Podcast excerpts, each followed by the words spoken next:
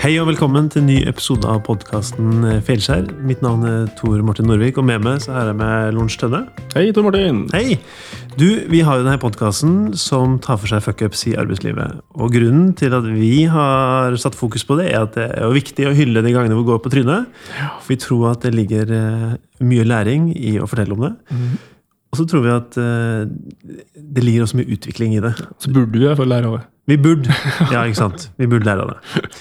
Og så er vi så heldige at vi slipper jo å prate om våre fuckups. For vi har jo med en gjest i dag også.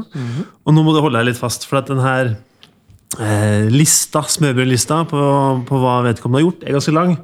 Jeg skal prøve så godt jeg kan. Det her er Aksel Tjora. Han er sosiolog og professor ved NTNU. Og han har klart å komme seg inn i styret på NTNU, hvor han er representant for de fast vitenskapelige ansatte. Han forsker mye på interaksjon mellom mennesker, og da er det det iboende potensialet som er, ligger i de tilfeldige møtene. Han har forska på kaffeoppførselen din, han har forska på festival, og han eksperimenterer med hva skjer når folk går offline i over tre uker. Så det er nok det å prøve å finne ut hva, hva skjer mellom folk i litt ulike settinger. I tillegg til det så er han en stor formidler av egen forskning. Du kan lese om han i tidsskrifter og aviser, så heller en del foredrag. Og så har han publisert flere eh, vitenskapelige artikler og skrevet masse bøker. I tillegg til det, er du fortsatt med? Ja, kunne jeg tenkt meg verten allerede. Han er eier av Sosiologisk poliklinikk her i Trondheim. og De driver da med rådgivning og mer praktisk retta utadvendt arbeid. Og sist, men ikke minst, så er han også en perkusjonist. Vet du hva det er for noe? Forklar. Du, eh, ja, jeg måtte jo søke det opp. Og det, det står i Wikipedia. En perfeksjonist spiller ofte på etniske instrumenter fra den latinske og afrikanske kulturen. Ja. Trommeslager, men at han spiller på eh, Danser litt. etniske instrumenter. Hvis jeg har skjønt det riktig. Så skal vi ta og si hei til den, eller? Ja, veldig gjerne. Ja, Det blir bra.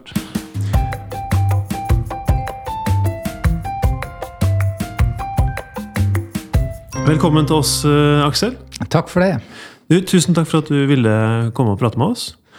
Nå har jeg jo eh, prøvd å fortelle litt om det, men det er sikkert noen av oss som fortsatt måtte, trenger litt hjelp til å plassere det.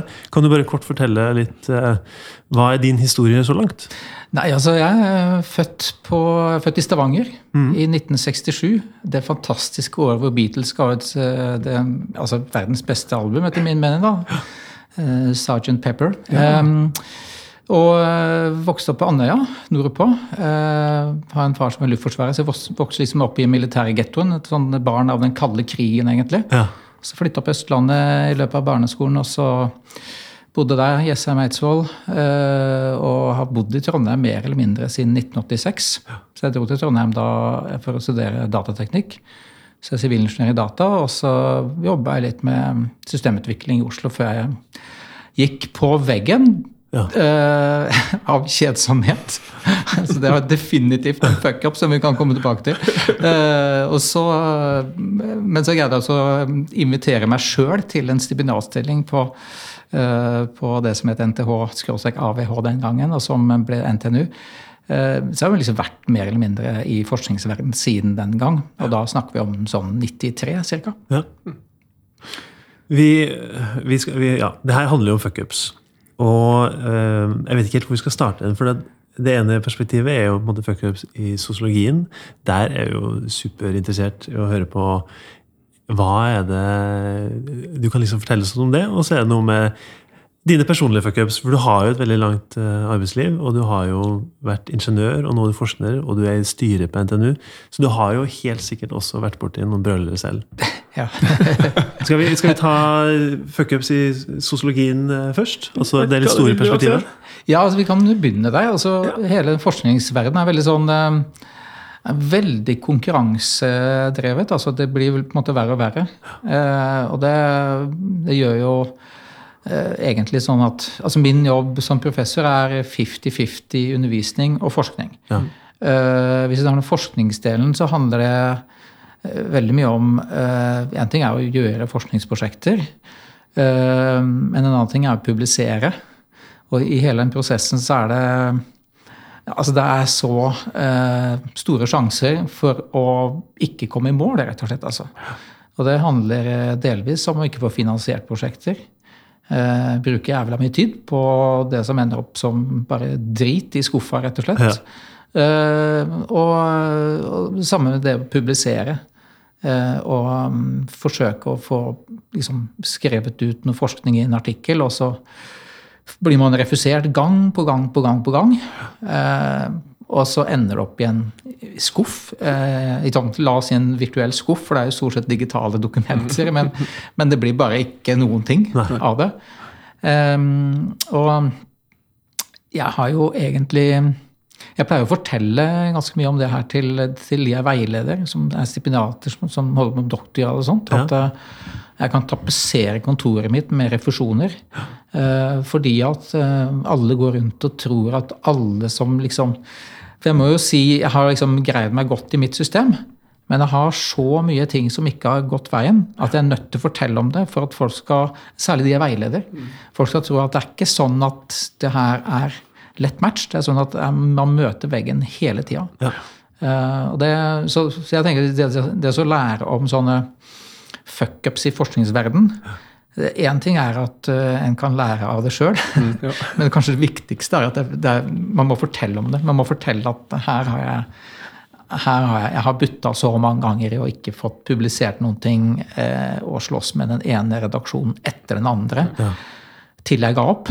Eh, og når eh, en del av de som også sliter, som de alle gjør, liksom skjønner det Å ja, ok, det går an å liksom komme seg liksom videre og på en måte håndtere systemet ganske greit, selv om du bare møter veggen gang på gang på gang.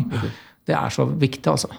Så det som, eh, når jeg ble invitert til det her, det var det som trigget meg først. Ja, det her er viktig å fortelle om at man Ja. har faktisk driti seg ut så mye, da. Så gøy. Så bra. For jeg, jeg ser jo, jeg måtte jo gå inn på Wikipedia bare for å se denne lista over alt du har publisert. Og bak det som faktisk har blitt publisert, så må det som du sier, ligge fryktelig mye i denne digitale skuffen. Ja. Hva er det som har stoppa de prosjektene? å... Hvorfor har det liksom blitt en fuckups?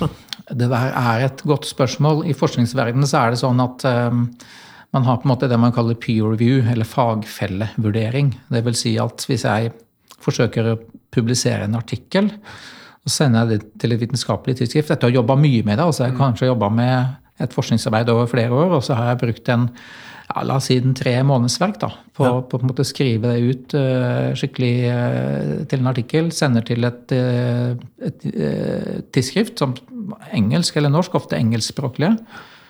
Og da er det en redaktør som sender ut den artikkelen til to eller tre såkalte fagfeller. Og det er folk som har peiling på det jeg har holdt på med, men som ikke vet hvem jeg er, og jeg vet heller ikke hvem det er. Så det er på en måte dobbelt blindt. Og så eh, måte får redaktøren de her eh, uttalelsene, vurderingene tilbake etter en, eh, ja, en, noen uker eller noen måneder. Av og til så går det lang tid. Uh, og så får man da tilbake.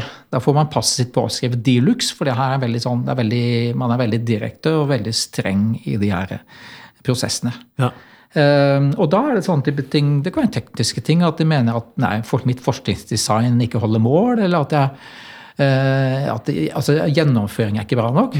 Ofte så er det det at eh, det er noen teorier som jeg burde ha kjent til og vist til og referert til. Eh, Eller det kan være at de, de bare ikke liker eh, språk eller strukturen. Det er alle mulige ting som er feil. Og det er stort sett alltid noe feil. da. Ja. Eh, Jeg har aldri opplevd en eneste gang at en, at en artikkel suser rett inn. Det er alltid et eller annet som må fikses på. Og, og mer enn jeg vil si, sikkert to tredeler av gangene så, så går det skeis. ikke sant? Jeg får svar tilbake at eh, nei, sorry, det her det er for dårlig. Det, det kan være veldig mye ting, men da, da, da må jeg måtte leite opp et nytt tidsskrift og gjøre noen justeringer. Og så må jeg begynne på null, null igjen. Det er liksom Rykk tilbake til start. ja, men hva, hva skjer da? Er det da? Gjør deg da klar for boksekamp? Eller det liksom Nei, da kan du bare gi opp. Da har du tapt. Altså Når du får nei for tidsskrift, da er du ferdig. Da må du gå til et annet tidsskrift. Ja. og da kan, man, da kan man være uenig med vurderinga, og hvis man er uenig med vurderinga, mener jeg at man ikke har skjønt eh, mitt forskningsprosjekt, så kan man bare prøve å finne et annet tidsskrift som, eh, som kanskje i beste fall har, kommer til å skjønne det. Eh, Men jeg har noen artikler hvor jeg har hatt eh, runde i fire-fem sånne tidsskrifter. Og så har jeg, har jeg skrevet litt om. Og så til slutt så har jeg begynt å skrive så mye om at jeg har glemt egentlig hva var den opprinnelige ideen. Hele artikkelen er bare ødelagt i den prosessen. Eh, Så det endte opp ingen steder. Og så, men da hadde jeg et bokprosjekt, så jeg liksom knadde om et par sånne mislykka artikler. Og skrev om til kapitler i en liksom, ny utgave av det, det som hadde vært doktoravhandlingen min. Da. Ja. så det var kanskje redningen der, da. Men, men da hadde jeg da hadde jeg holdt på med de artiklene i fem-seks år. altså. Og hva, Uten å komme noen vei. Og det ble bare søl etter hvert. hva gjør at du gidder å, å Hva gjør at du klarer å stå i det? Og på en måte tenke at ja, ja, det her, eh, det her var kjipt. Det her var Ja. fryktelig mye timer som gikk bort egentlig ingenting. Det, det, eh, altså det, det, er flere ting. da. Det ene siden, som jeg nevnte i stad, altså det er 50-50 min jobb som undervisning og forskning. Og undervisning er en helt annen ting. Eh, Det å jobbe med studenter er så gøy. Og da får man liksom den der direkte tilbakemeldinga hele tida. Så det er liksom helt det motsatte av å drive med forskning hvor det ja, ting tar lang tid. Det tar lang tid før du får tilbakemelding på ting. Ofte så er, så er det negativ tilbakemelding. Uh, mens med studenter så er det ofte det motsatte. Det er veldig direkte, veldig personlig. Uh, folk gir meg stort sett mye til positive tilbakemeldinger. Så det er liksom den herre den her mørke hverdagen i forskningsverden kompenseres med en litt lysere verden på undervisningssida. Ja. Og det tror jeg mange opplever i, i, i vårt system. Da, at det er, at det er, det er nødvendig å ha undervisning for å berge gjennom dagen. Altså. Så det er der du henter egentlig krafta di. Ja. Ja. Og så er det også sånn, det er klart en del av de her eh, I og med at det er litt sånn vanskelig eh, vanskelig å komme gjennom en del av de her, i hvert fall de mest ambisiøse, tunge, såkalte prestisjetunge tidsskriftene. Eh, så er det sånn når man kommer gjennom, så er det ordentlig jubel. Altså Da spretter man en champagne og er superhappy. Så det er klart, altså de, de gangene man lykkes, det, det kompenserer litt også for alt det traurige der, da. Hvor, hvor mange ganger har det skjedd, da? Uh, nei, altså, du kan si at jeg har en del artikler på, på CV-en, og jeg tror jeg har vært hvert fall en champagne på hver av de. Eh, så det er vel en sånn, uh, sånn 30-tallsartikkel eller noe sånt. Og, der, og en del av de er jo eh, sammen med medforfattere. Ja. Eh, og da er det jo enda morsommere å sprette ned champagne og si at her fikk vi til. Eh, men ofte så er det eh, så er det ikke det første stedet vi har prøvd. Det er veldig ofte at vi har eh, måttet prøve et, et eller to steder før vi kanskje lykkes. da. Har du, har du sittet på andre siden av bordet? At du har fått artikler som du skal gi tilbakemelding på? Ja, altså Jeg var redaktør for Sosiologisk tidsskrift i fireårsperiode, som er liksom det norske sånn, hovedtidsskriftet for liksom den sosiologiske forskninga. Ja. Pluss at jeg er jo sånn, også sånn fagfellevurderer for en 30 ulike tidsskrifter rundt omkring i verden. Eh, akkurat nå sitter jeg også og vurderer et, eh, en artikkel. da. Og jeg er jo streng sjøl. Man, man blir jo en jævel sjøl i sånn der, eh, men det er på en måte litt sånn de her tidsskriftene funker også. at eh, at man er bedt om å være streng, fordi at de vil på en måte kun ha de ordentlig gode artiklene At bare, bare de skal passere. Ja. Så, så liksom systemet er bygd opp rundt at, at det skal være strengt. Da. Men det, det, i eh, sosiologisk tidsskrift så var det en sånn stressfaktor, det der. fordi at vi Altså De sosiologiske miljøene i Norge er ikke sånn kjempestort. Det er noen sånne store institutter i Bergen, Oslo, Tromsø og her i Trondheim. Um, og så er det tidsskrift. Vi hadde jo liksom fire nummer i året som skulle fylle med gode artikler. Og der var det jo sånn at eh, det var liksom så, vidt vi greide å berge hvert nummer som skulle ut. eh, for det var papirbasert tidsskrift som hadde en deadline til forlaget og sånt. Så det var liksom sånn at eh, vi refuserte jo kanskje halvparten av artiklene. Og da var det sånn så vidt vi liksom hadde sånn artikler nok til numrene. Og da kommer kom man opp i sånn der litt sånn vanskelig situasjon. Skal man for at man, man, kan ikke, man kan ikke jenke på kvaliteten, fordi at det skal være en viss sånn, eh, sånn forventning til en minstenivå på et, på et tidsskrift. Ja. Eh, Så det var ganske sånn eh, egentlig ganske, ganske vrien jobb. da. Og det var jo sånn, jeg fikk jo en del sånne der også, en del sånne av de som vurderte for meg som redaktør, som var veldig spisse og nesten på kanten av spydige. Så da, før jeg sendte det tilbake til forfatteren, så fjerna jeg rett rydda litt, pynta litt på, på sånne unødvendige eh, måter å fortelle at den her var dårlig på, f.eks.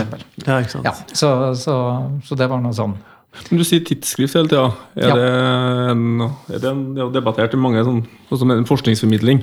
Du gjorde Ja. om til kapittel i bok, men er det, er det en av grunnene her at det er veldig sånn plattformavhengig? Ja, det her Du kan si at i, i forskningsverdenen sånn internasjonalt så finnes tusenvis av tidsskrifter og, eh, som er ganske sånn spissa innenfor hvert fagområde. Sånn at innenfor sosiologi så finnes det en hel haug av sånne spissa tidsskrifter. La oss si mediesosiologi, så finner du sikkert en 20-30 tidsskrifter internasjonalt som er spesifikke på det, f.eks. Um, og, og, da,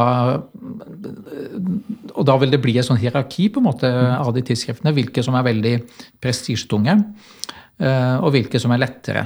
Og da blir det sånn på en måte Det som har skjedd nå i hele universitetssektoren, det er jo at eh, det, det, det publiseres så mye at det er nesten ingen som har tid til å lese de her tidsskriftene. Sånn at de, det man er opptatt av, er hvor det er publisert. Ja. Ok, Er det publisert på et prestisjetungt tidsskrift, ok, så er det bra. Da, da får de klapp på skuldra. Fy faen, bra, du, du fikk en artikkel der, ikke sant? Men ingen gidder å lese artikkelen. Sånn, det, du får en sånn absurd ting. ikke sant? Det forskes veldig mye, det publiseres mye, men, eh, men det er ingen som leser noen ting. ikke sant? Så læ- læringa av den er litt sånn eh, svak, da. Blir champagne i det minste. Det er, det er sånn champagne- og CV-bygging, ikke sant? og Ja. veldig mange, mye traurige stunder når du, når du møter veggen. Men, hva men det er egentlig jeg er også nysgjerrig på. Hva, hva, hva er effekten av det? Hva, hva skjer når du har på en måte fått publisert noe? Blir det til noe konkret i etterkant, eller blir det bare eh, et par fine sider i tidsskrift som folk kan beundre, og så det, stopper det der? Eh, Veldig ofte så stopper det der. Ja. Og så har man Du kan si at eh, det er jo det er jo veldig mye karrierebygging i sektoren. ikke sant? Altså, mm, nå er jeg såpass heldig at jeg har hatt fast stilling på universitet som professor, så jeg kan, jeg kan egentlig sette meg litt tilbake og kulen Ja. eh, og gjøre ting akkurat det jeg har lyst til. Det gjør jeg også. Um, uh, men du kan si at de som uh, altså Kampen om å få en fast stilling i universitetssektoren er veldig tøff. Sånn at, så det hjelper ikke, og Du må ha en doktorgrad, det er liksom minstemålet, men du må i tillegg ha publisert en fem, seks, sju artikler. Og da er det det i ansettelser på vårt institutt, så er det sånn at ok, en doktorgrad, greit, da er det på plass. Og så ser man hvor er de artiklene publisert. Ja. Det er det første man ser på. Eh, og så leser man noen av de, for da, da går man faktisk inn og leser de, altså. Eh, på sånne så, så ansettelser så legges det mye arbeid ned i faktisk å vurdere hva er det folk har bidratt med. Eh, men før noen gidder å lese noen ting, så ser de at du har publisert noen artikler, og at de er publisert på gode steder. Så det blir veldig sånn formalistisk, hele, hele opplegget. da. Og det, det som er fare med det, er at, eh, at det, innholdet i hva vi holder på med, det blir, tones ned og, og blir litt borte. borte. For det blir helst også det blir sånn CV-bygging som eh, handler om å ha en liste av ting man har gjort, av, særlig på de vitenskapelige artikler. Eh, og det, det er veldig uheldig, altså. Og jeg har vært veldig sånn kritisk til en del utvikling i sektoren pga. det. Ja, jeg starta innledningsvis med å si at du har jo forska både på kafékultur og festival, og det her prosjektet med å gå offline. Har du hatt noen eksperiment eller forsøk som har gått skeis? Så jeg har vel veldig mange prosjekter som har gått skeis i den forstand at jeg har eh, liksom endt opp med helt kurant eh, data i og for seg, men ikke greid å sette av tid til å skrive om det. Og så har jeg også hatt en del eh, en del prosjekter hvor jeg liksom ikke har endt opp med data som er gode nok. Jeg, hadde fått finans, jeg hadde jo ett sånn Kanskje det prosjektet som gikk skikkelig skeis, da. Det var jeg hadde en ganske sånn god idé. Jeg syns fortsatt det er en god idé. Så, jeg, så, alle, alle fulgte opp å starte med det. og det var at, Men fortsatt at det egentlig er bra. ja, ja, ikke sant? Ja, jeg, jeg tror fortsatt det egentlig er bra, det, men jeg, jeg, jeg har en liten mistanke om at jeg tar feil. da. Eh, og det var at jeg skulle Uh, For at jeg var interessert i eh, bruken av medier, altså smarttelefoner og skjerm, altså nettbrett og sånn type, hjemme hos folk. Og så tenkte jeg at uh, det, det går jo ikke Man kan ikke liksom bli med folk hjem og sitte og observere dem. For jeg tenkte at jeg skulle liksom hele døgnet da, liksom legge seg ved siden av ved senga. Og så folk som tar med seg smarttelefonen og senga og den type ting. Er det Så- Salme fra et kjøkken, er det ikke det? Ja, så, er men, tenkte, hvordan skal man få det til? Jo, man må få folk til å observere hverandre. Ja. Så, så jeg fikk fakultet fakultetet til å finansiere eh, noen, sånne, noen månedsverk Vitas. Og så, og så eh, skulle Så rekrutterte vi folk, altså via sosiale medier og venners venner og alle mulige sånn. eh, folk som bor sammen med noen, og som, og, som kunne observere det andre. Skjult observasjon av noen man bor sammen med. Og Det kunne være en samboer, eller hvis man bor i et kollektiv. et eller annet sånt. Ja. Og så For å være et sånn, liksom, etisk sånn, liksom, noenlunde gangbar her, så fant vi ut at ok, at de som har observert noen andre, kan ikke dele sine data med oss som forsker på det her, før de har fått godkjenning med en andre. Så man samler data. Det er jo sånn tillitsutfordrende, det her, ikke sant? Ja. For, i et parforhold. eller sånt. Men samle data, på en måte, ta, ta notater og den type ting. Og så, um, eh, og så fortelle den andre du vet du hva, jeg har i løpet av en uke nå eh, observert din nettskjermbruk skjermbruk og, og sånt, eh, fordi at jeg er med på et prosjekt. Kan jeg dele ned med prosjektet? Det var liksom oppsettet. Og så fikk vi rekruttert en del folk med på det. Um, og jeg fikk finansiert det med jeg vet ikke, om 150 eller 200 000 eller sånt fra fakultetet. Og så um, satte i gang med det. Fikk med noen deltakere som gjorde observasjoner og sånt. Og så viser det seg at det ene faller fra etter den andre. Og så vi sitter igjen med noe data til slutt, men det er liksom for lite. og så Vi, vi fikk alle publisert det. Jeg bare sitter i fakultetet. Jeg skulle rapportere tilbake etter stund. Beklager, det, det, bare, det gikk ikke. Uh, og det ser jeg også at det er litt sånn der, i forskningsverdenen at man er sånn der, man er sånn redd for ting som skjærer seg. Men det gjør jo også at man er litt for eh, At man ikke eh, at man ikke går løs på litt sånn, litt sånn risikoprosjekter, som egentlig kan være litt spennende. da. Hva, hva tenk, Hvorfor trakk de seg? Unnskyld. Hvorfor? Trakk, hvorfor? Nei, altså Det var noen som på en måte aldri delte dataene med oss, og da tenker jeg at enten at de følte at det her ble tillitsbrudd og ekkelt og bare vondt og vanskelig. Eh, Det var det ene. Og så var det noen som bare liksom ikke fikk det til, fordi at det å gjøre skjult opposisjon, ta notater og sånn, er liksom teknisk vanskelig også. Så det ja, altså når jeg sa- innledningsvis at jeg tror det fortsatt er en god idé, så er jeg faktisk litt usikker. men, eh, men, eh, men vi fikk noe altså, Men en god, hvorfor er jeg usikker på det? Fordi at det du tror ikke at det er gjennomførbart? Det er gjennomførbart, eh, men jeg ser det tillitsproblematikken der er, er litt, eh, litt stor, egentlig. Det. Det som, vi kunne, det som hadde vært et interessant videreutvikling, hadde vært å få folk til å observere hverandre uten at de visste om det. For da hadde de liksom brutt tilliten litt mer gjensidig. Men, eh, men eh, jeg vet ikke helt. Jeg tror kanskje ikke fakultetet har lyst til å prøve Vi skal prøve. Jeg blir med igjen. Vi fikk faktisk altså Jeg brukte én, en par utdrag fra de dataene vi fikk, da, på en sånn utstilling eh, som var nede på Babel der. På noe sånn ja. teknologi-teknoport her for et par år siden. Eh, men det er liksom bare et lite, lite utdrag som, eh, hvor den ene forteller om den andres eh, besettelse av smarttelefon. Så det er liksom Det blir ikke noe, det blir ikke noe forskningsdata der, da. Men, eh, minner meg nesten litt om Big Brother. Altså det å kunne observere folk. Syns du det er et interessant eksperiment? Ja, det- altså, du kan si at de her er den type reality-program som Big Brother, det er jo liksom det altså, så, Skulle du ønske de- du kunne ringa det på NTNU? Ja, faktisk. Eh, Jeg prøvde jo Jeg, jeg jobba jo faktisk med sånn produksjonsselskap eh, i Oslo for å prøve å rigge til sånn reality-konsept knytta til det med offline. Ja. Eh, Da hadde vi, altså De prøvde å selge på TV 2 og NRK. Vi liksom la skikkelig mye arbeid ned i det også. Lagde en sånn teaser og mye. Eh, Så det var min, min idé. Jeg tok jo kontakt for å lage et reality-program. Og det, det, den reality-programmet er liksom så, så sosiologisk TV kan bli, egentlig. Ja. Så, så reality er spennende sånn sett, da. Det har kanskje liksom blitt dratt litt ut med, med liksom Next on the Beach og sånne type ting. da. Men jeg tenker sånn Big Brother er liksom mer sånn rendyrka se på sosiale spill og sånn, uten at du liksom skal bare eh, pushe folk liksom helt sånn eh, til vanvidd. Interessant.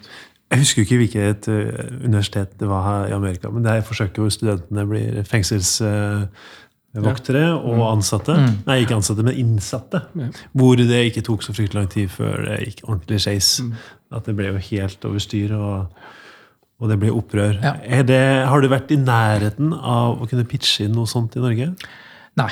Um, jeg tror um, Sånn etisk sett så vil vi ha kjempeproblemer også Ja. lage noe sånt. da. Uh, og det, det blir, har gjort altså sånn i USA på 50- og 60-tallet ekstreme eksperimenter på sånn, med studenter og som blir satt i sånne situasjoner som aldri ville passert noen sånne etiske komiteer i dag. I en, jeg tror det var en eh, norsk historiebok, eh, så så du bilde av et norsk Skinner-barn. eller Skinner-boks-eksperimentet. og Det var en norsk familie som hadde putta ungen sin i en boks hvor han skulle leve sitt første leveår. Kun en boks, og måtte ikke ha noen fysisk stimuli. Bare for å sjekke da, om det gikk. Og det, det er jo helt eh, Det er klart, det, det gjøres sikkert mye sånne type ting rundt omkring som vi ikke vet om. Ja.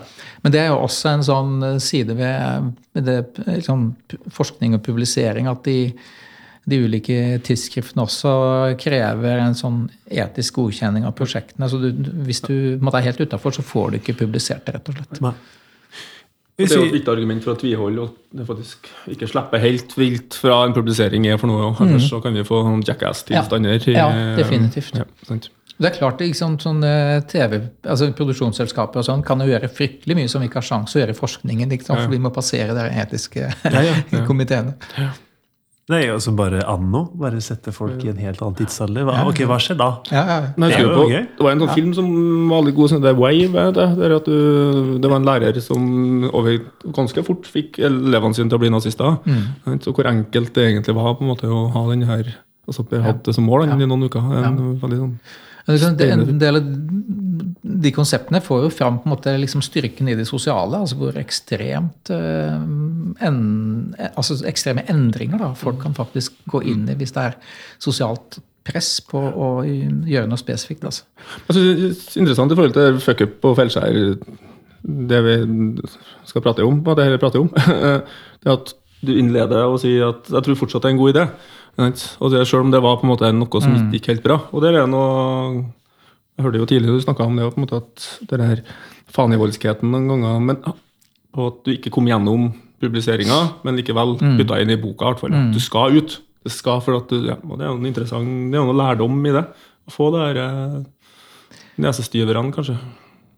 Ja, det er noe med mm, litt det også møte litt sånn motstand, eh, så lenge det ikke tar helt knekk på det. da. Men det er jo det som eh, Det er en sånn risikofaktor i alle bransjer. ikke sant? Eh, At eh, i en del sammenhenger så står man veldig aleine. Og da, når du liksom møter veggen og du står aleine, så Det er mange som liksom butter skikkelig mot og brenner seg helt ut. altså det man i, i, også innenfor akademiet veldig, altså.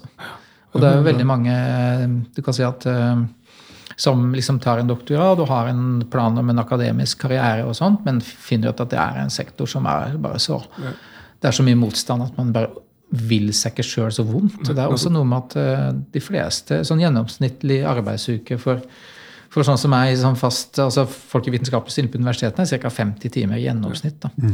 Så det er jo si, uten at det er noe overtidsbetaling i liksom den, bransjen. Så er, man bruker mye av fritida si på å liksom fikse det her også noenlunde. Og det kan man diskutere om det på en måte er riktig. ikke sant? Det er noe sånn, sånn problem med det. da. Du sa jo også i starten at eh, du møtte veggen når du var ingeniør. Egentlig noe det som Ja. gjorde at du valgte å Ja. prøve å gå som professor i forskningssteget. Hva, hva skjedde der, da? Altså, jeg eh, jeg var, jeg var utdanna Siving, en sånn kombinasjon datateknikk eh, og, og industriell økonomi. Og, så, og, det, og jeg gikk ut i desember 91 som Siving, og det var veldig sånn dårlige tider. Jeg hadde skrevet eh, sånn, over 100 jobbsøknader, vært på noen intervjuer også. Eh, Men det var beintøft å få jobb. Jeg bodde, bodde i Oslo da. og uh, fikk en jobb i august, tror jeg det var. August 92. Og da hadde jeg vært arbeidsledig i åtte måneder. eller sånt. Ja. Så tok jeg bare uh, første og beste jobb. Det viste seg at det var første jobb, men definitivt ikke beste jobb. Saken var at uh, det her var en sånn i tele, det som heter Teledirektoratets IT-avdeling på Økern. Det som nå heter Telenor IT. Og jobben besto i å vedlikeholde gamle sånne IBM storemaskinsystemer som sto liksom og dura og gikk på og hadde stått i årevis. Så det var liksom sånn eh, datamessig liksom mange år tilbake i teknologisk tid. Å jobbe med ting som jeg aldri hadde studert, fordi at jeg var liksom tilbakelagt stadium. Men eh, altså Televerket hadde såpass mye systemer som måtte stå og gå. Og så, så det var på en måte sånn at jeg, jeg fant ut det her, eh, det her Altså, jeg trodde jeg skulle få annen, et annet innhold i jobben, og så det ble fryktelig kjedelig. Så jeg, og delte kontor med en annen også nyansatt som hadde, var utdanna fra Skottland. Og vi satt og surra og tulla og kom liksom ikke videre. Nei. Fikk ikke gjort jobben. Og etter hvert så Uh, altså, og jeg var jo også sånn um, altså, Min, min eks, da, som jeg bodde sammen med i Oslo, uh, som jobba på Felles Meieri, og begynte klokka seks eller noe sånt om morgenen. Så jeg, jeg, jeg sto opp liksom samtidig, så jeg var grytidlig på jobb. Så når jeg kom på jobb Det første jeg gjorde, var at jeg satt og sov en times tid på pulten. og så hadde jeg med meg Aftenposten. Så satt jeg og bladde gjennom Aftenposten og brukte en times tid på det. Og da begynte folk å komme på jobb. så da, da kvikna jeg opp eh, sånn, ja, ja, nå får vi jobbe litt, da. Ja, og skrev en time, da. Ja, så, ja, ja. Vi hadde stemplingstur, nemlig. Det var sånn, ordentlig sånn stempling. Ja, Kom på jobb klokka seks, stempla, eh, gikk opp, sov, lette avisa. Da din partner med omhu, altså, i forhold til noen som styrer opp tidlig. Ja, ja, ja, ja, ja. Så, nei, altså, det var jo helt innholdsløst. Vi prøvde å få noe kursing i det her, og sånn, fordi at det var liksom der en ting som vi egentlig ikke Selv om vi var utdanna innenfor IT, så var det liksom noe helt annet enn det vi hadde jobba med ja. i studiet. Og så tok det Jeg vet ikke hvor lang tid det tok, altså, men det tok en eh, seks, seks, måneder eller noe sånt. Og så var jeg på en sånn presentasjon hvor, eh, hvor de presenterte et stort sånn, eh, organisasjonsutviklingsprosjekt i måte, som Televerket, hele Televerksystemet så tenkte jeg at det her er jo noe som kunne vært interessant. Og så eh, Fordi at jeg siste liksom, delen av Siving-studiet gikk veldig sånn på organisasjonsutvikling. Den typen. Tenkte at ja, det her det kan, det kan, gjøre det interessant. Og så går jeg fram, Det var en så stor presentasjon. Eh, så går jeg fram til han prosjektlederen sånn etter den presentasjonen og så forteller jeg at eh, jeg er utdanna der og der, og det her høres ut som et veldig interessant prosjekt. Er det mulig å på en måte få kobla seg på det prosjektet? Og så, så får jeg bare svare tilbake Nei, du driver jo på med systemutvikling, du. Ja. Og det var sånn der slag i trynet de luxe. For da skjønte jeg at fordi at jeg holder på med det, den stillingen jeg da hadde, så kommer jeg til å for all tid bli stempla som en person som jobber med systemutvikling pga. den stillingen. Så jeg må komme meg fortest mulig ut av den jobben. Mm. Hvis ikke så på en måte forblir jeg en systemutvikler, noe som jeg bare ikke trives med i det hele tatt. Og så um, så begynte jeg å, å, skrive sånne Begynte å se på sånne doktorgradsstipendier når det ble utlyst og sånn. Ehm, liksom tilbake i Trondheim, se om det var mulighet for det. Og så eh, Det var noe innimellom, så jeg brukte jo liksom jobbtid. Ikke bare at jeg sov og leste avisa på jobben, men jeg brukte jo også jobbtid på å sitte og skrive prosjektskisse for å prøve å få en sånn type jobb. da. Og en anledning så ble jeg tatt på fersken av sjefen min, som, som kom inn. Og der satt jeg liksom og skrev på den prosjektskissen. ikke sant? Uh, han var ikke noe særlig blid, med veldig god grunn. Innstampla og ja. Og det var også det, også det at jeg, jeg, kom veldig tidlig, og da dro jeg jo veldig tidlig fra jobb. Også. så jeg dro fra jobb når folk begynte å komme i gang etter middag. Uh, så det var liksom, det bare, bare var skikkelig dårlig stemning. Og så etter hvert så hadde jeg Eh, en sånn eh, en av de stipendstillingene jeg hadde søkt på, som jeg, som jeg, jeg fikk nei på. men så Uh, og da hadde min, min eks, som da var min samboer, flytta tilbake til Trondheim. Og så sa jeg på det her prosjektet at jeg, uh, jeg skal uansett til Trondheim en tur, men jeg kunne komme og ta en kaffe. Uh, så jeg på en måte inviterte meg sjøl til intervju. intervju da. Ja. og så ja, ja, nei, det kunne jeg jo godt gjøre. da. Og så, så, kom jeg opp, og så tok vi en kaffe. Og i løpet av den kaffen så fikk jeg så godt som et tilbud om en stipendiatstilling. Da. Så, så, da greide jeg liksom å rømme tilbake um, til, uh, til, Trondheim og gjøre noe som var mye mer interessant etter hvert. Ja. Så det var litt mer mening og mestring? ja, altså det, det var Jeg har um, den her episoden med, eh, med på, på Televerket og systemutvikling. Den, det var en sånn det var helt forferdelige ting. også for at jeg følte at eh, man ble så satt i en bås som føltes helt feil. Ja. Så det, og det, jeg snakka om det til, liksom, til, mine studenter og sagt at hvis du, eh, hvis, du, hvis du, føler at du jobber med noe som er feil, altså noe som du ikke trives med, eh, så kom deg ut av det. eh, så fort som mulig. Fordi at du liksom går inn i et mønster, og så bare forblir du der. altså. Det er faktisk interessant, er for at mange av de her systemutviklerne som jeg kjenner, de har en eh, altså, sånn, nesten sånn visjonær og filosofisk mm. forhold og til hva de gjør. Og Hvis du da får beskjed om at nei, du er hermetegn kun en systemutvikler, Ja. prog noe Ja. du nå. Men ja. det er jo en filosofi bak det ofte, og det er en tanke bak det som føles viktig i, da. Som, ikke da, som er vanskelig for noen å se noen ganger. Og det ikke blir, ikke blir forstått på hvorfor gjør jeg det. Ja. Nei. ja. Det er sånn- vi, vi forstår hverandre veldig sånn på basis av hva vi ser. ikke sant? Og ofte så er det liksom bare en veldig veldig liten del av det. Ja. Og, og det var, så, så derfor så tenker jeg at de der, når man får liksom det ubehaget at man, man mener at man er noe annet enn det man blir betrakta som, så tenker jeg at det, det er verdt å liksom gå noen runder. Er det her der jeg skal være? Og jeg må jo si at det, på en måte så så det er liksom en sånn bortkasta sivinggrav på et vis. Eh, men, men samtidig så har jeg, jeg snakka med så mange, det er lov å ombestemme seg. Det er aldri sånn at du ikke har lært noe. Altså Om du, om du har begynt på studiet, om du gir opp etter et år, eller sånn, men du har lært noen ting. Altså, selv om du ikke har et vitnemål på alle mulige ting heller, du har lært noe. Betyr det at vi skal bli flinkere til å gjøre det vi gjør nå, og prate om det vi har feila på, og det valgene som var feil? da, på en måte? At Ja, vi burde begynne å feire dem i CV-er òg? For, eh, altså, Ja. for at vi har jo en sånn folk, Ja, det er folk, kjempesmart. Ja, folk som er sånn ikke, Du har ikke fullført utdanning. Ja, det er jo, for eksempel, Jeg har jo et hull i CV-en min med et år fordi at jeg var ute og reiste. Og det var, jeg har fått anbefalinger på det, altså, at jeg ikke burde skrive det for Mm. Ja. at det hører hull i CV-en. Nei, Ja. det, jeg, vil Ja. jo, altså, jeg vil jo bli ansatt av noen som syns det er topp at de er ute og reist et år. Ja. Så derfor så, det er jo en, eh, og det er jo ikke, Noen kan jo si at det er et feilskjær eh, i karrieren, det å ute og reise et år. Ja, men det er jo interessant, altså i, i hele begrepet høl i CV-en. Yes. Det er jo helt meningsløst. ikke sant? Det er som tanke om at ja, okay, du, du, du er bevisstløs et, en periode liksom, Ja, av livet. Det er litt sånn å snevre inn liksom, hva, hva du lærer av, og hva som gjør deg til en sånn, la oss si en ok ansatt. eller noe sånt. da. Nei, jeg har ikke noe formell utdanning, og så jeg bruker å si at uh, fordelen med det er at jeg slipper å Altså, jeg kan gjøre hva som helst. Ja, ja, ja. Slipper å bli satt i boss på hvilken jobb jeg skal ha i fremtiden. Liksom. ja. Ende opp som rådgiver, da, konsulent. Ja.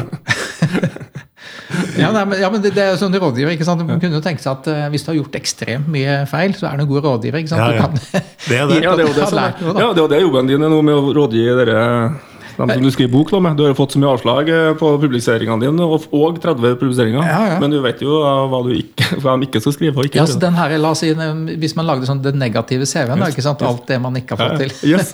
Jeg tror for de fleste, inkludert meg sjøl, er det veldig mye lenger enn den CV-en man er som offentlig.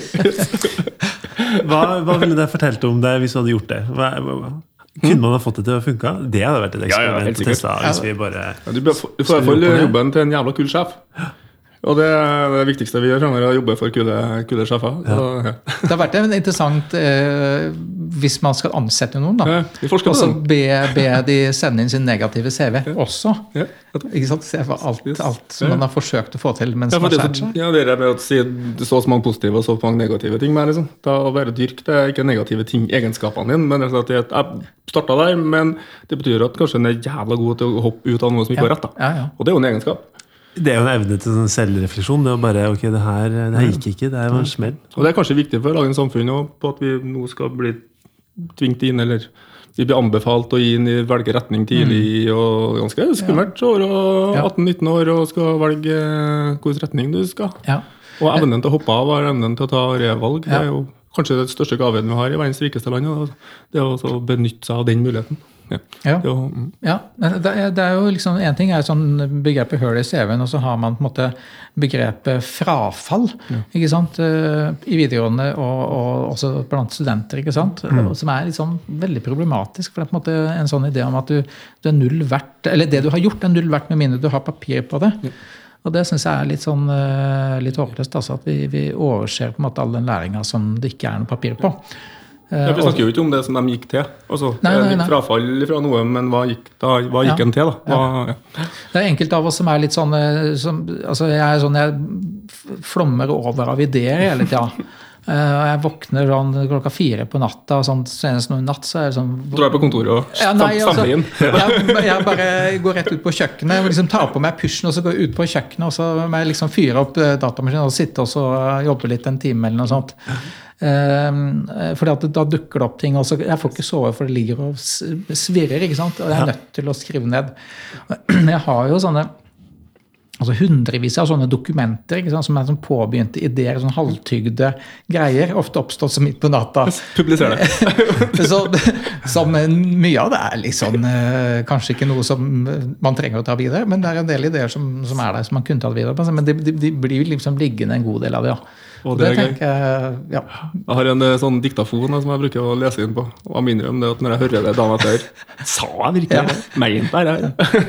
Det var en god Ja. ting. Nei, jeg, også, sånn, jeg husker jeg holdt på med doktorgrad, eh, så gikk jeg med sånn diktafon hele tida. Jeg hadde liksom ti minutter å gå til jobb.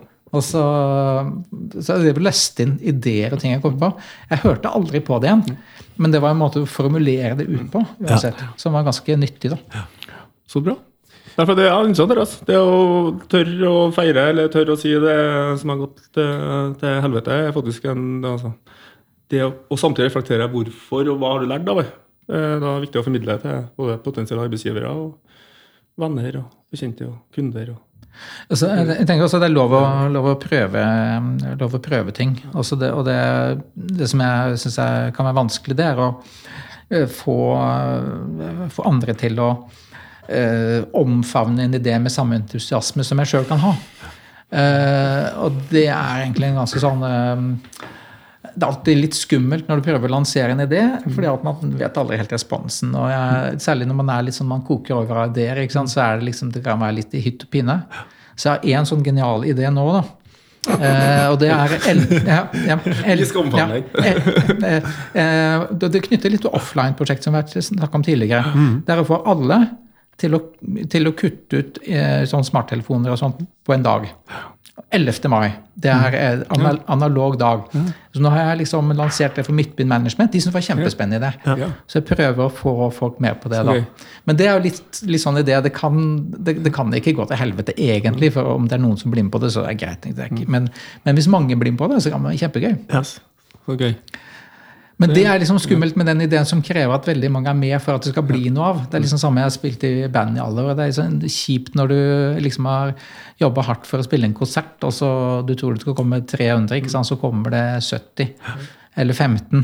Ikke sant? At Det er også den der at man, liksom, man girer seg opp og, og liksom guffer på med et prosjekt, og så liksom bare faller det liksom sånn pladask. Da blir det en koselig intimkonsert. da. Det kan bli det, hvis man er proff nok til å liksom bare holde Det fordrer jo at liksom 50% av dem som er med, faktisk gjør det. Så at den resten, 50 føler de må bli med massen. da.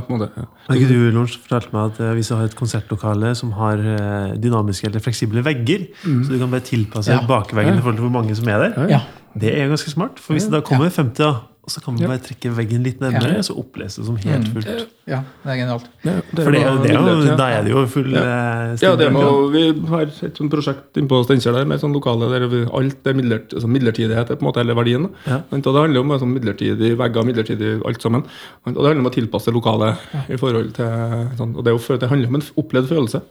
Eh, Alt sånne opplevelser, egne, egne opplevelser. Ja. Jeg så jo deg på et foredrag hvor du prata om eh, sosiologi og symmetri. Ja, ja. Altså begrepet symmetri i sosiologi- sosiologien. Eh, hvis jeg skal måtte utfordre deg på det med fuckups, altså begrepet fuckups og sosiologi, Uh, har du noen liksom, betraktninger rundt hvorfor det er viktig at vi faktisk går på trynet i forhold til vår egen utvikling? Og, Um, jeg, jeg, jeg, jeg tror kanskje det viktigste sånn, eh, for, for veldig mange eh, altså Viktigheten av å gå på trynet handler mye om å faktisk holde beina på jorda. Altså. Uh, fordi at uh, det er noe med å liksom, se sin egen begrensning eh, på, i ulike settinger. da. Uh, og det, det kan være så mye. Det, altså det kan være et ekteskap som går til helvete, eller, eller du er liksom prøver å f komme deg inn i en kompisgjeng, eller at, det- at det er i arbeidslivet. Og det er liksom eh, For dette er såpass mange Hvis du tenker på noe av det som jeg er mest opptatt av, som er liksom fellesskap, og da er liksom, hva er negative sider Ja, utenforskap. Og det er såpass mange som, som på en måte ikke greier å komme seg inn i eh, i en land eller, som, hvor du virkelig føler tilhørighet. Liksom et eller annet sted. Eh, det kan være en arbeidsplass, eller det kan være skolesystemet, eller at du, at du er så uheldig at du liksom ikke greier å komme deg inn i det hele tatt i noen av de greiene. Og jeg har liksom, I og med at jeg nevnte sånn innledningsvis at jeg flytta fra Andøya til SM. Når vi flytta til SM, da begynte jeg femte klasse der på barneskolen. Jeg greide aldri å komme inn i noe miljø. Eh, så de som jeg eh, ble hengende sammen med, det var to andre som var utvist fra sine skoler. Ja. Altså fuck up sånn ordentlig, altså. Um, jeg, jeg, liksom, jeg mislyktes totalt der, men de hadde mislyktes så mange ganger i ulike skoler og sleit heftig. Så vi ble jo hengende sammen og holdt på med altså, butikktyverier og leste pornobladet i kjelleren til blokka hvor, hvor han ene bodde, og det var bare bare destruktiv, destruktiv oppførsel, altså. Det var eh, meg er det veldig nyttig å kunne tenke tilbake på det, fordi at jeg, jeg, jeg har tenkt veldig mye på hva som gjør at jeg ikke greide å komme inn i et klassemiljø. Altså Det er litt tøft å komme inn midtveis i barneskolen, fordi at det er barneskole det er altså Aldersgruppene kan være ganske tøffe. Mm. Uh, også det der med at man Når man ikke finner en tilhørighet, så så er det noen andre som ikke gjør det. Og så lager man seg sånn konstellasjon utenfor. Og det er jo kjempeskummelt. ikke sant? Det er, ser man litt sånn radikalisering i dag som en sånn ekstremvariant av det. Og det er eh, Jeg tror jeg har opplevd det sjøl veldig nyttig. altså.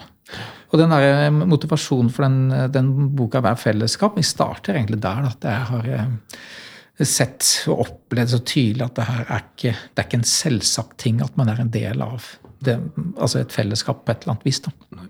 Og, og, men det er sånn men så, så du noe i forhold til at en del av det å føle at en er et fellesskap, er òg det å ha noe utenforskap?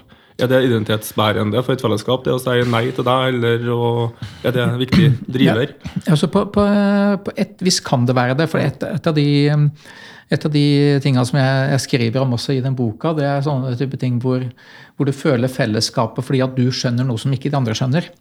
Et konkret eksempel er eh, altså Jeg var på sammen med en kollega. Vi hadde sånn forskningsopphold i, i Berkeley, California. Og så uh, var vi i San Francisco og var med på sånn uh, Critical Mass, sånn sykkelaksjon. Så vi sykla på en måte sånn 300-400 syklister liksom sånn tett sammen gjennom San Francisco. Og det, det som det gjaldt å få til, det var å sykle i ring i et veikryss, et lysregulert veikryss. Sånn alle syklene sykla ring i veikrysset, og ingen biler kom seg inn i krysset. Så når, så når vi fikk grønt lys, ikke sant, så skjønte jeg ikke hva, hva faen er det som skjer her? Hvor, hvor kommer de syklistene fra? Vi har grønt lys. altså og så ble de liksom stående, og etter hvert så begynte de å tute og sånn. Og så de som sto lenger bak, begynte å tute på de som sto foran, ja. som ikke kjørte og sånn. ikke sant? Og så etter hvert som det bare eskalerte, så oppsto sånn jubel om man sykler. Yeah, ikke sant? Vi bare liksom trumfer de her bilistene. Vi sykler sammen rundt og rundt i krysset her. Og det var liksom den eh, følelsen av at ok, de bilistene skjønte ikke hva er det her som skjer.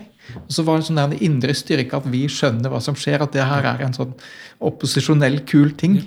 Og fordi at andre ikke skjønner det. Og det samme kan jo være sånn eh, knytta til mange andre ting. altså det å det, altså, man merker jo fort det der hvis man er ute og reiser litt sånn langt unna, altså nedover uh, altså Hvis man er liksom i India, i Kina, sånn, så er ting er ganske annerledes.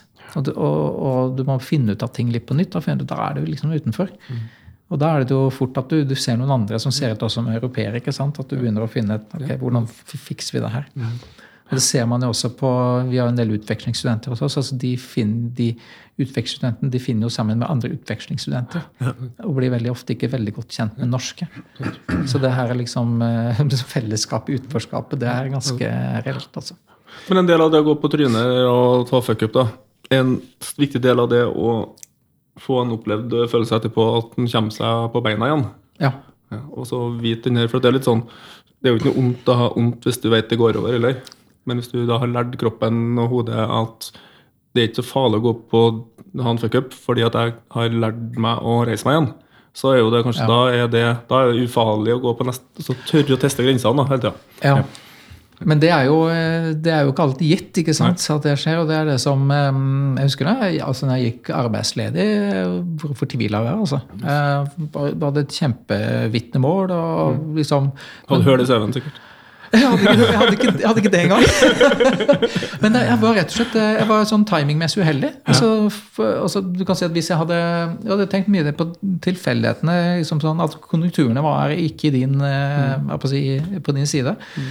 Og sånn at uh, går ut i en periode hvor, hvor, det er mye arbeidsledighet innenfor en sektor, så, så, sliter man. Uh, og, det, og det, det, er jo sånn også når man begynner å studere også, og du, liksom, om du bruker tre, fire, fem år, så du veit jo ikke egentlig hvordan ting ser ut uh, om en femårstid. Altså.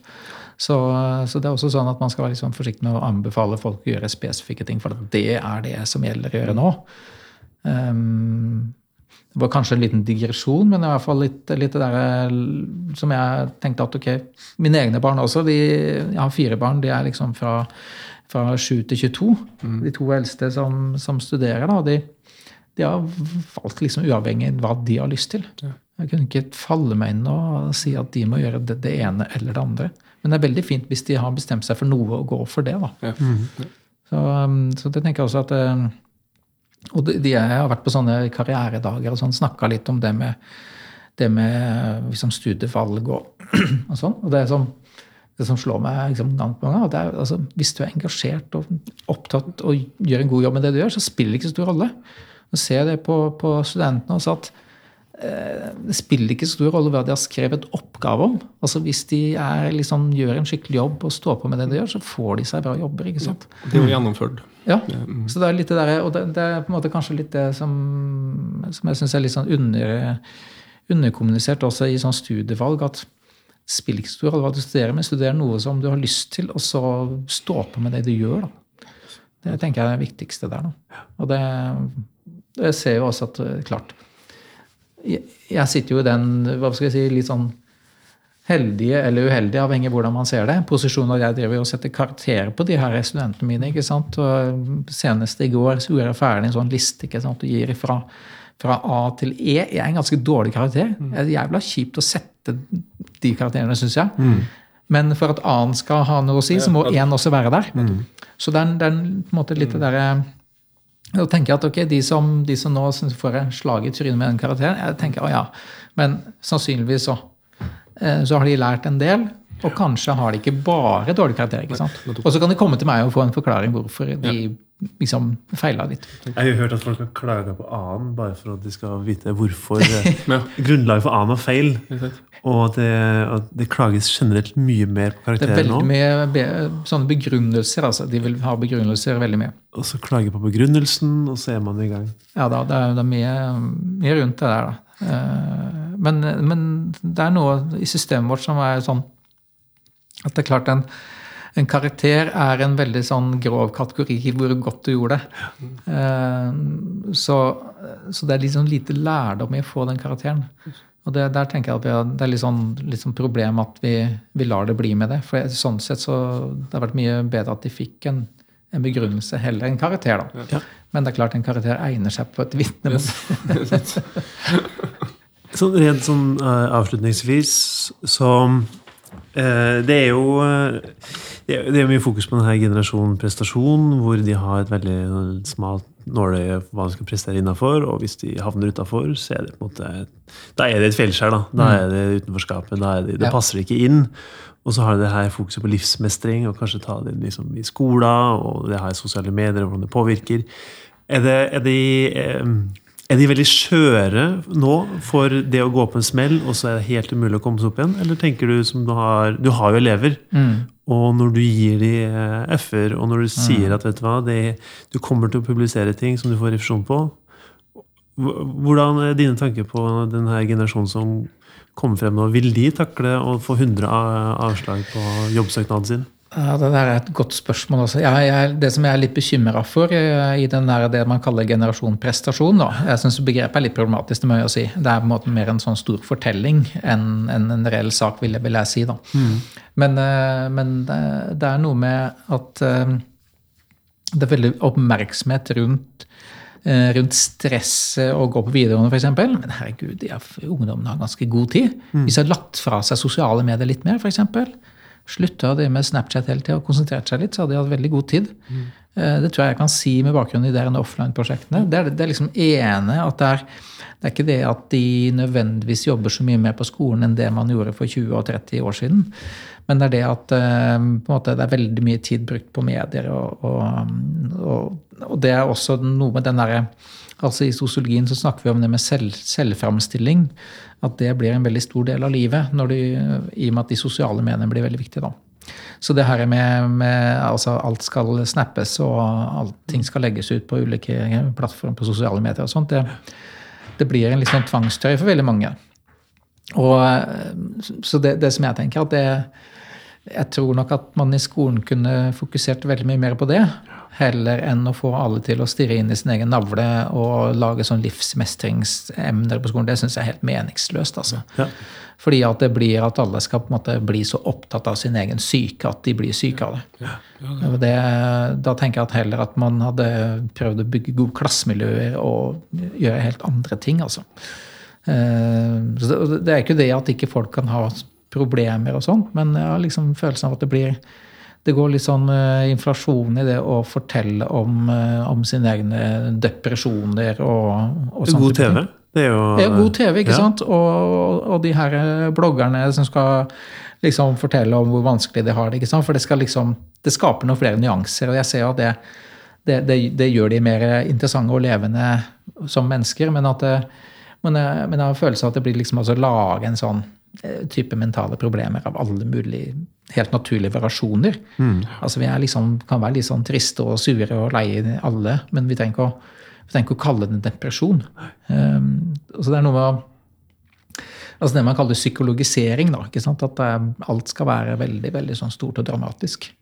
Gjør du noe spesifikt retta mot det på NTNU i forhold til dine elever? Altså jeg, det som jeg jobber mest med i sånn sammenheng, har vært sånn kritikk av ADHD-diagnosen. Eh, hvor jeg mener at uh, de her variasjonene som man har i skolen knytta til konsentrasjon, uro og impulsivitet, den er der, helt åpenbart. Eh, men at man kunne ha jobba med den type problem eh, mer som et pedagogisk og sosialt problem. Altså i klasserommet, i skolegården, mm. i nærmiljøet osv. Heller enn å eh, begynne å stille så mye diagnoser på individplanet. Og det, det tenker jeg at Jeg ser jo også nå der at innenfor medisin, altså de som holder på med psykiatri, så begynner det også å, å danne seg litt sånn kritikk av den altså Litt vel mye bruk av diagnoser i skolesammenheng. da. Så det, det, er vel liksom sånn som jeg jobber mest med det. Og jeg har jobba mye med det som skrevet mye om det som vi kaller helsesosiologi, som for så vidt er egentlig er den der kritikken av eh, at man i, i, medisin og psykiatri eh, skaper, skaper kun tiltak på individplanet. Mm. At man må jobbe mer med på, på samfunn eller nærmiljø eller i skolesituasjon. Se på institusjonene våre, hvordan man kan, eh, kan inkludere folk i litt, eh, litt bedre sammenhenger. Da. Og det, det, ender på en måte veldig ofte med det eh, det å, det å bli sett og få en respons på seg sjøl. Og jeg tror det er liksom tilbake til den generasjonen prestasjon, at hvis, hvis all den responsen er knytta til sosiale medier og Snapchat, og alt det der, så, så, mister, man, så mister man så mye nyanser. da. Jeg, det som jeg tenker eh, om en del av de ungdommene, er nok altså at de, de, bruker kanskje litt vel, vel, vel, mye til hjemme på en måte, i, i, sofaen eller på rommet sitt, og opplever at de er sosiale på sosiale medier, i stedet for å være litt mer ute og gjøre hærverk eh, på naboens postkasse. Se pornoblad i uh, ja, ja, ja. Så det, det er liksom det, det, Jeg tror at liksom det der ungdomslivet burde vært litt mer variert. Ja. Og så er det nok også noe med eh, Vi har mye med, veldig mye organisert tid også. Av type idrett og, og korps og den type fritid som, eh, som, kanskje kunne vært litt mer eh, Altså type arenaer som var, var måte, tilrettelagt litt mer for uorganisert aktivitet. Da. Ja. Nei, for Det er nesten ikke en arena lenger som ikke er voksenstyrt. Nei, det er ikke det. Og det er nok ja. en, av forklaringene tror jeg, på alle her spill og gaming og veldig sånn opptatt av å sitte i sofaen og game. og sånt, For det er den eneste arenaen mange barn og tenåringer har som ikke er voksenstyrt. da. Det tror jeg er veldig godt poeng. altså. Det, sånn, det, det, blir en frigjøring fra ja. foreldrene. liksom At man kan sitte ja. og spille Fortnite og chatte Ja. med kompisene som sitter og spiller Fortnite i- på sine rom. For at vi jo oftere vi sier at ikke gjør det, ikke gjør det, ikke gjør det, Mm. jo mer får du bekrefta at dette er mitt, min arena. Som Ja, eh, da uorganisert fotball før var jo ja. min arena. For Ja. at jeg hadde ikke mobiltelefon engang til å dele øyeblikket hjem, eller ingen kunne ringe meg. Og jeg, hadde, jeg visste jo sjøl at det var litt Hvis jeg kom hjem halvtime etter avtalt tid, så var det iallfall jeg som på en måte, Ja. det var noe spenning i det. Ja. Men nå så mm, sier vi beskjed hele tida. Ja. Og masse 'hvor er du', 'hvor er du', 'hvor er du'? Og da blir på en måte den her, her ikke-voksenstyrte arenaen, tror jeg, Ja. den trenger vi. Kjenner- Spesielt gutta, kanskje, og spesielt debatten i forhold til ADHD og gutta osv. Ja, jeg møter meg sjøl i døra der med på en måte relasjonen til eh, min tiåring og meg. altså at Jeg liksom holder veldig igjen på det spillgreiene og syns ikke det er så kult. Um, men der har jeg tatt rollen som en litt sånn ukul pappa akkurat på det. da. Men det, det som er bra, da, det er jo at eh, han har begynt å skrive en del sånne rapptekster sammen med en i klassen. Eh, og jeg drevet lag, liksom, prøvd å programmere en del musikk og sånn opp gjennom tida, så jeg har begynt å liksom, lage litt sånn beats sammen med de da. Og det er jo kult. Ja. Men, Men, ja, eh, for da er det ikke opprør mot deg, men da er det Nei, da, da er liksom jeg er litt mer på, på laget deres. Ja. Jeg må rydde opp litt i teksten, og sånn, for det er av og til litt mye styggeord og sånt. Men litt, litt mye for tiåringer. Men, men det er veldig gøy. Men jeg ser, ser derne spillgreiene eh, Veldig påtrykket for å bruke mye tid på spill. Der merker jeg at jeg, jeg butter litt og blir ja. litt sånn sur i retten gubbe. altså. Men det er et vanskelig tema framover. Altså. Ja. Veldig. Mm. Du, eh, Lunsj, vil du hjelpe meg å oppsummere? Oi! Det her har jo vært en ganske fin og lang prat, egentlig. Jeg vil jo bare sitte og prate videre med Aksel. Jeg syns det er spennende, veldig mange spennende temaer. Forskning på sosiologi og begrepet fuckups er jo veldig tett eh, beslekta. Mm. Men det, det jeg i hvert fall kan trekke ut av det, at det her, igjen, det her er egentlig mye av det som går igjen egentlig når vi prater med folk om fuckups. At du må stå i det, og da snu det til en mulighet, og ikke gi opp. Og selv om du får avslag, så betyr ikke det at uh, det er noe dårlig. Det er bare at vedkommende som ga deg det avslaget, det var hans mening. Og du kan jo egentlig velge om du ønsker å respektere det riktig, og så kan du gå videre. Det er egentlig litt hvordan du selv velger å angripe det, som er viktig. Og det å prate med folk om det, sånn at du får uh, andres perspektiver. Litt sånn som når det til og med klages på AA, så handler det om et behov for å få forklaring på ting.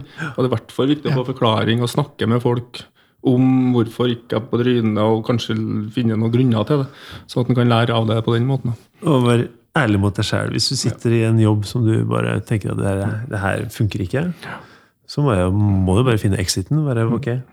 Gjør noe som ligger nærmere i hjertet ditt. Og så er det med fellesskapsfølelsen. Det er en sånn digresjon i forhold til fuck up. men Det er interessant det en Aksel sier i forhold til det med det at vi lager altså helt på individnivå. Eh, Så jeg skulle gjerne ha møtt den psykologen i framtida som kommer ut og sier det er ikke noen flere diagnoser å sette, vi er ferdig. Det er på en måte det er jobben til psykologen det er nesten det å finne diagnoser. så Derfor så den ergo, Men vi kan ikke holde på med det lenger. Eh, Så det er ekstremt viktig med å se på fellesskapet. Hva er det? Hva er det? Rommet vi er i, hvordan påvirker det oss? Og Ja. hvordan, ja. Så det er sant. Og så skal jeg ikke se bort fra at han, Aksel kommer med en bok om kanskje sånn 20 år, hvor han sier at sosiale medier har ødelagt fellesskapet. Det er den største menneskelige fuckupsen, egentlig. Vi skulle Digital sosialisering, det funka ikke. Jeg har lyst til å starte ti podkaster med Aksel, så jeg skal invitere ham etterpå. Ja. Vi lager en sånn serie om, Ja, gjør det. om, om 20 år, om, det, om det som gikk feil. Det store eksperimentet. Yes. Nei, men Takk for praten. Ja, det var Det kjempehyggelig. var veldig bra. Så gøy. Ja, da har vi kommet til eh, avskjedsgave, hvor eh, man skal få lov til å gi eh, tips til våre lyttere om et eller annet som har gjort deg glad denne uka her. Så du kan starte, Aksel. Oi, ja, fankerne var det. Eh, det hadde jeg glemt. Jeg tror noe som gjorde meg veldig glad denne uka, her, det var faktisk en sånn veldig teknisk ting, egentlig. Men det var plutselig jeg fant ut at jeg, jeg greide å finne igjen et passord til et sånt musikkprogram som jeg hadde fått levert på e-post for tre år siden, eller noe sånt, som jeg aldri har brukt ennå. Det gjorde meg veldig glad. Ok, ja, Så fint. Ja, det er fint. Utrolig fin og liten Ja. ting. Enn du har? Du, eh, som eh, småbarnsfar i de siste årene, så har jeg fant, jeg har glemt å høre musikk. Ja. Og det å bare ta opp gamle Spotify-lister og begynne å adde på litt der igjen, og så begynne å ha den her funksjonen med sånn radio, det anbefalte Det begynner å oppdage, oppleve og oppdage ny musikk igjen. Det har gjort meg sånn veldig glad i siste uka. kjenner jeg. På kveldene, liksom. Det å, da kobler jeg av sosiale medier. Høre musikk i seg. Ja. Er Fint. Det gjør meg glad. Kjenner jeg. Mm. Jeg har uh, sett uh, Afterlife, en ny serie på Netflix med Ricky Gervais. Jeg er veldig fan av uh, Ricky Gervais. Og eh, Office Extras. eh, Det ligger veldig høyt oppe. Men nå Han er jo en veldig sånn god eh, ambassadør av litt sånn mørk eh, britisk eh, deilig humor. Og premisset her er at dama hans har dødd. eh, og da ble han, han blir bare helt ufordragelig. Det gjør deg glad. Det gjør meg glad. Men han, han, han spiller det med god overbevisning. Han er, han, er, han er seg selv, på godt og vondt. Han er superufordragelig, og du ser igjen noen av de skuespillerne fra The Extras. Og det er bare deilig britisk, eh, mørk eh, satire. Og det, er- jeg tror det er seks episoder, og det er veldig lettfordøyelig, egentlig. Så det, det er fint. Da vil jeg si tusen takk til eh, våre lyttere som har vært med oss uh, i denne podkasten her, og en stor takk til um, Aksel. Og neste gang så skal vi møte Tony Jacobsen. Han er gründer og eier av Jacobsen og Svart. Og det er vel kanskje byens beste kaffe, eller hva tror du, Lunsj? Ja. Og så I tillegg så er han jo den mest energiske, fantastiske mennesket jeg noen gang har eh, møtt. Han er artig, altså. Det liker jeg. Jeg spurte han har du lyst til å være med i Fuckups. Vet du hva han sa? Uh, ja, selvfølgelig, for jeg er full av fuckups. noe Han har, han har doktorgrad i Fuckups. han. Men hvis eh, du som hører på, hvis du har en historie som du ønsker å dele med oss, så ta, send oss en mail på feilskjær.uredd.no, så skal vi få historien din ut og frem i lyset. Og subscribe gjerne på podkasten, så slipper du å laste ned. Og den her kommer ut av hver, eh, hver mandag.